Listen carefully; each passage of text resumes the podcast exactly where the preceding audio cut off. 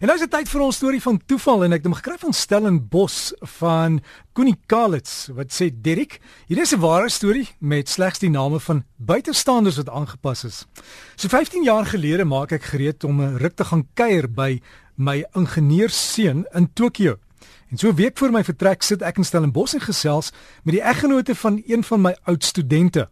Toe ek terloops meld dat ek op pad is Tokio toe, sê hy dat Jan Adendorf, dis nou haar man se broer, is 'n rekenaar-ingenieur in Singapore.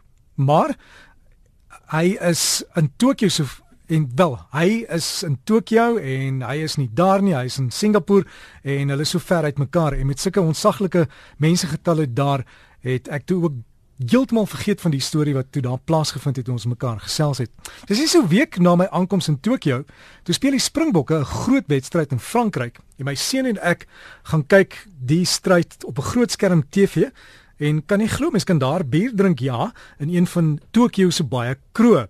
En terwyl ons so skouer aan skouer sit langs een van die toonbanke in die volgepakte kroeg, draai ek my so halfpad na die ooglopend Europese kerel links agter my en knoop toe gesprek in Engels aan.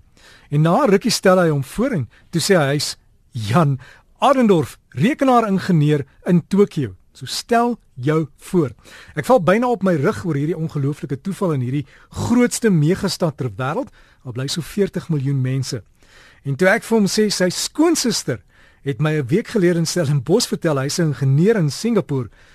Sy kommentaar, sy was nog nooit in die ooste nie en seker sy ken nie die verskil nie. Dankie vir die besondere bydrae wat ons kan lewer tot RSG.